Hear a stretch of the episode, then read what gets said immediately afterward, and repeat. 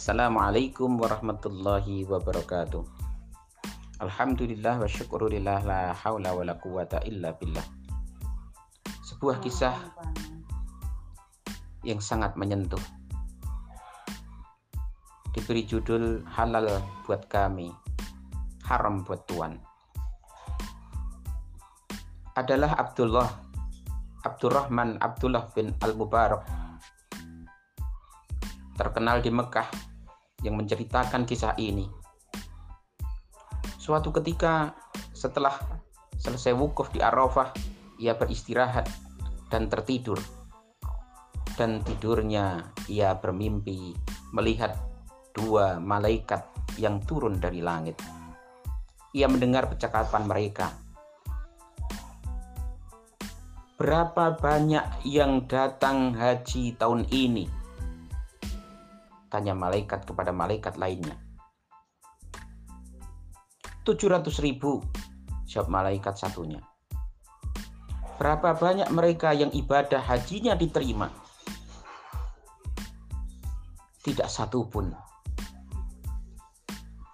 Percakapan ini membuat Abdullah gemetar. Apa? Ia menangis dalam mimpinya. Semua orang-orang ini telah datang dari belahan bumi yang jauh dengan kesulitan yang besar dan keletihan yang sangat panjang di dalam perjalanan berkelana menyusuri padang pasir yang luas dan semua usaha mereka menjadi sia-sia karena hajinya tidak diterima. Sambil gemetar ia melanjutkan mendengarkan percakapan kedua malaikat itu. Namun ada seseorang yang meskipun tidak datang menunaikan ibadah haji, tetapi ibadah hajinya diterima dan seluruh dosanya telah diampuni. Maka berkat dia seluruh haji orang yang di sini diterima oleh Allah Subhanahu wa taala. Kenapa bisa? Itu kehendak Allah. Siapa orang tersebut? Said bin Muhafah, tukang sul sepatu di kota Damsik. Mendengar ucapan itu, ulama itu langsung terbangun.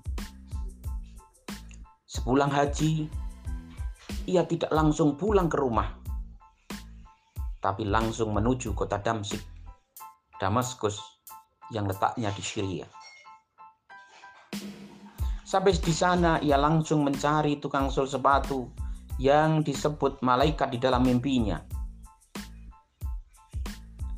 Hampir semua tukang sol sepatu ditanya apa memang ada tukang sol sepatu yang namanya Said bin Muhafa? Ada di tepi kota. Jawab salah seorang tukang sol sepatu sambil menunjukkan arahnya. Sesampai ia di sana, ulama itu menemukan tukang sul sepatu yang berpakaian lusuh. Benarkah Anda yang bernama Said bin Muhafah? Tanya ulama itu. Betul. Siapa tuan? Aku Abdullah bin Mubarak. Said pun terharu. Bapak adalah ulama terkenal itu, ada apa mendatangi saya? Sejenak ulama itu kebingungan. Dari mana ia memulai pertanyaannya? Akhirnya pun ia menceritakan perihal mimpinya.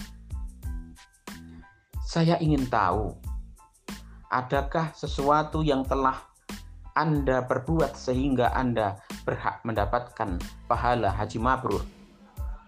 Wah, saya tidak tahu. Coba ceritakan bagaimana kehidupan Anda selama ini. Maka Said bin Muhafah bercerita, setiap tahun,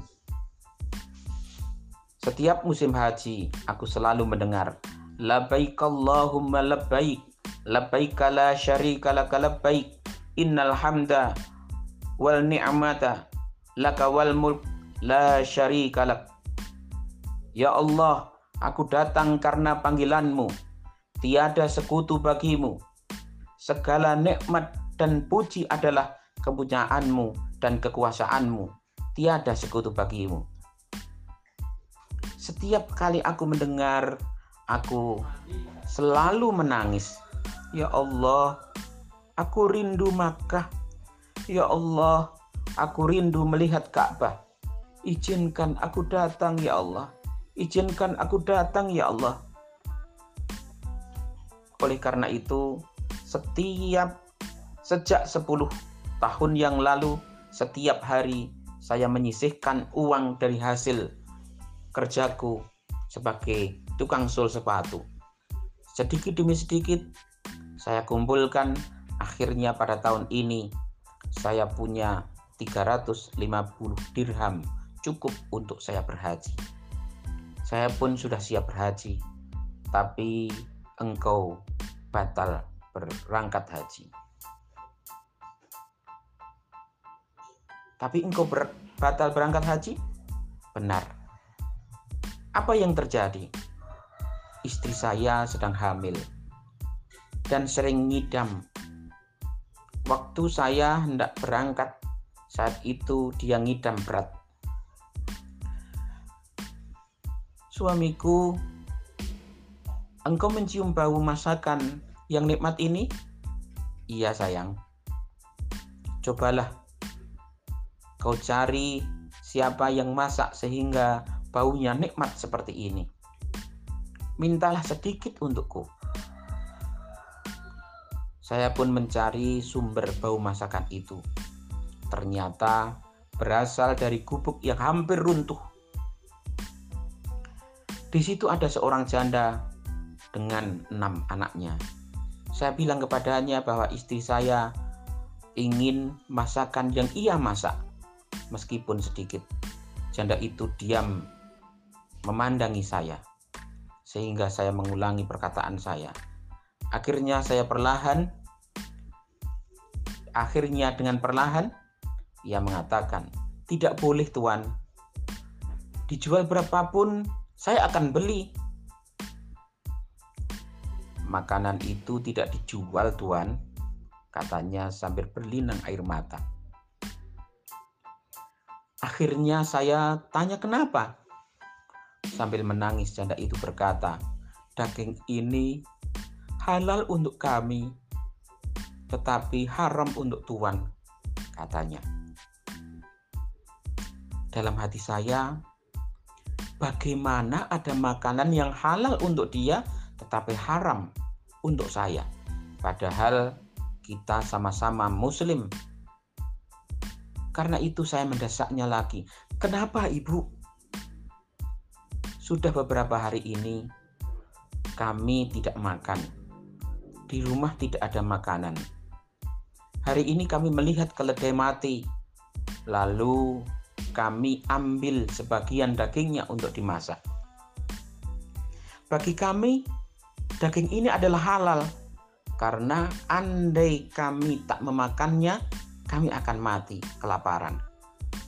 Namun bagi Tuhan, daging ini adalah haram. Mendengar ucapan tersebut spontan, saya menangis.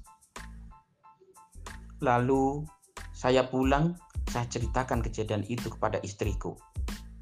Dia pun menangis. Kami akhirnya memasak makanan dan mendatangi rumah janda itu. Dan memasak untuknya. Uang peruntukan haji sebesar 350 dirham pun saya berikan kepada mereka. Pakailah uang ini untuk sekeluarga. Gunakan untuk usaha agar engkau tidak kelaparan lagi. Aku ikhlas memberinya. Aku cuma berkata, "Ya Allah, di sini hajiku ya Allah. Ya Allah, di sinilah Mekahku ya Allah." Mendengar cerita tersebut, Abdullah bin Mubarak tak bisa menahan linangan air mata. dikutip dari kitab Irsyadul Ibad ila Sabilir Rasyad. Mudah-mudahan bermanfaat. Kisah ini sebagai penghibur dan menambah semangat bagi yang sudah berniat dan berangkat haji ataupun umroh namun karena wabah menjadi tertunda. Semoga Allah Subhanahu wa taala sudah mencatatkan amalan ibadah yang tertunda tersebut tanpa dikurangi nilainya sedikit pun. Amin ya rabbal alamin. Wassallallahu ala Muhammad walhamdulillahi rabbil alamin. Assalamualaikum warahmatullahi wabarakatuh.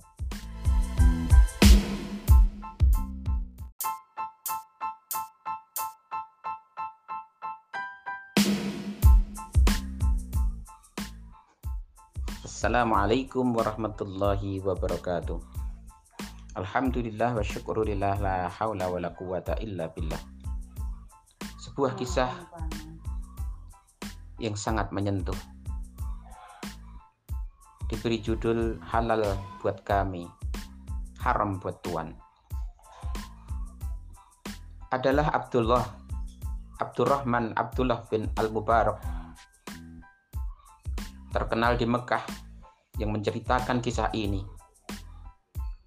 Suatu ketika setelah selesai wukuf di Arafah, ia beristirahat dan tertidur. Dan tidurnya ia bermimpi melihat dua malaikat yang turun dari langit. Ia mendengar percakapan mereka. Berapa banyak yang datang haji tahun ini? Tanya malaikat kepada malaikat lainnya. 700 ribu, jawab malaikat satunya. Berapa banyak mereka yang ibadah hajinya diterima? Tidak satu pun. Percakapan ini membuat Abdullah gemetar. Apa? Ia menangis dalam mimpinya.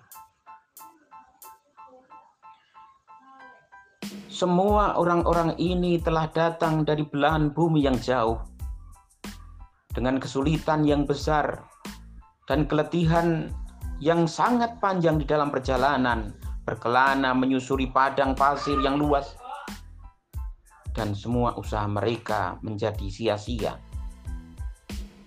karena hajinya tidak diterima. Sambil gemetar ia melanjutkan mendengarkan percakapan kedua malaikat itu. Namun ada seseorang yang meskipun tidak datang menunaikan ibadah haji, tetapi ibadah hajinya diterima dan seluruh dosanya telah diampuni. Maka berkat dia seluruh haji orang yang di sini diterima oleh Allah Subhanahu wa taala. Kenapa bisa? Itu kehendak Allah. Siapa orang tersebut? Said bin Muhafah, tukang sul sepatu di kota Damsik. Mendengar ucapan itu, ulama itu langsung terbangun. Sepulang haji, ia tidak langsung pulang ke rumah, tapi langsung menuju kota Damsik Damaskus yang letaknya di Syria. Sampai di sana ia langsung mencari tukang sol sepatu yang disebut malaikat di dalam mimpinya. Hampir semua tukang sol sepatu ditanya, apa memang ada tukang sol sepatu yang namanya Said bin Muhafa? Ada di tepi kota. Jawab salah seorang tukang sol sepatu sambil menunjukkan arahnya. Sesampai ia di sana, ulama itu menemukan tukang sul sepatu yang berpakaian lusuh. Benarkah Anda yang bernama Said bin Muhafah? Tanya ulama itu. Betul. Siapa tuan? Aku Abdullah bin Mubarak. Said pun terharu. Bapak adalah ulama terkenal itu, ada apa mendatangi saya? Sejenak ulama itu kebingungan. Dari mana ia memulai pertanyaannya. Akhirnya pun ia menceritakan perihal mimpinya. Saya ingin tahu, adakah sesuatu yang telah Anda perbuat sehingga Anda berhak mendapatkan pahala haji mabrur? Wah, saya tidak tahu. Coba ceritakan bagaimana kehidupan Anda selama ini. Maka Said bin Muhafah bercerita, setiap tahun setiap musim haji, aku selalu mendengar Labbaik Allahumma labbaik Labbaik la syarika laka labbaik Innal hamda wal ni'mata laka wal mulk la syarika lak Ya Allah, aku datang karena panggilanmu Tiada sekutu bagimu Segala nikmat dan puji adalah kepunyaanmu dan kekuasaanmu Tiada sekutu bagimu setiap kali aku mendengar, aku selalu menangis. Ya Allah, aku rindu Makkah. Ya Allah, aku rindu melihat Ka'bah. Izinkan aku datang ya Allah. Izinkan aku datang ya Allah. Oleh karena itu, setiap sejak 10 tahun yang lalu, setiap hari saya menyisihkan uang dari hasil kerjaku sebagai tukang sol sepatu.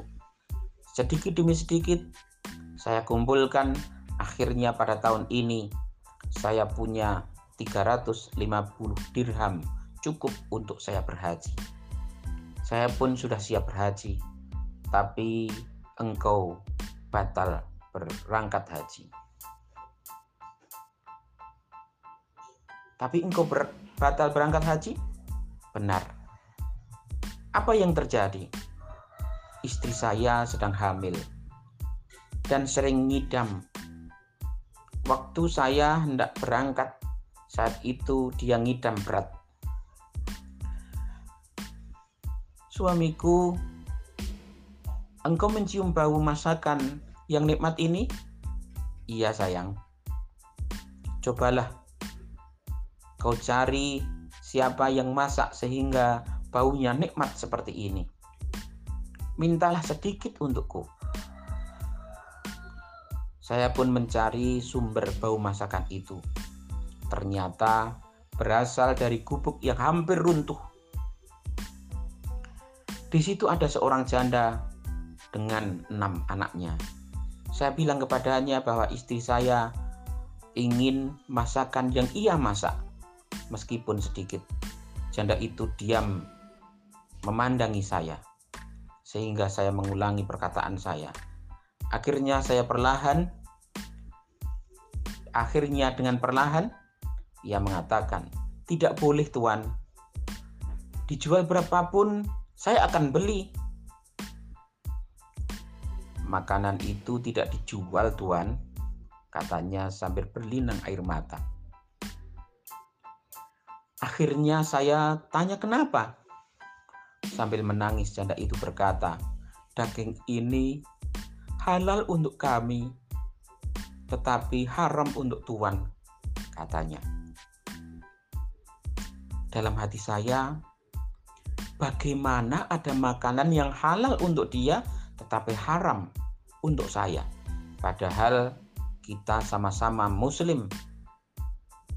Karena itu saya mendesaknya lagi. Kenapa ibu? Sudah beberapa hari ini kami tidak makan. Di rumah tidak ada makanan. Hari ini kami melihat keledai mati. Lalu kami ambil sebagian dagingnya untuk dimasak.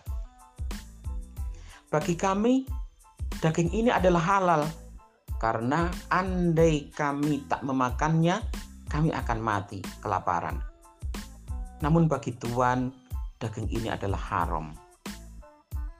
Mendengar ucapan tersebut spontan, saya menangis. Lalu saya pulang, saya ceritakan kejadian itu kepada istriku. Dia pun menangis. Kami akhirnya memasak makanan dan mendatangi rumah janda itu dan memasak untuknya. Uang peruntukan haji sebesar 350 dirham pun saya berikan kepada mereka. Pakailah uang ini untuk sekeluarga. Gunakan untuk usaha agar engkau tidak kelaparan lagi. Aku ikhlas memberinya. Aku cuma berkata, "Ya Allah, di sini hajiku ya Allah. Ya Allah, di sinilah Mekahku ya Allah."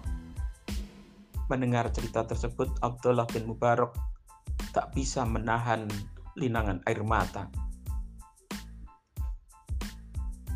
Dikutip dari kitab Irsyadul Ibad ila Sabilir Rasyad. Mudah-mudahan bermanfaat. Kisah ini sebagai penghibur dan menambah semangat bagi yang sudah berniat dan berangkat haji ataupun umroh namun karena wabah menjadi tertunda. Semoga Allah Subhanahu wa taala sudah mencatatkan amalan ibadah yang tertunda tersebut tanpa dikurangi nilainya sedikit pun. Amin ya rabbal alamin.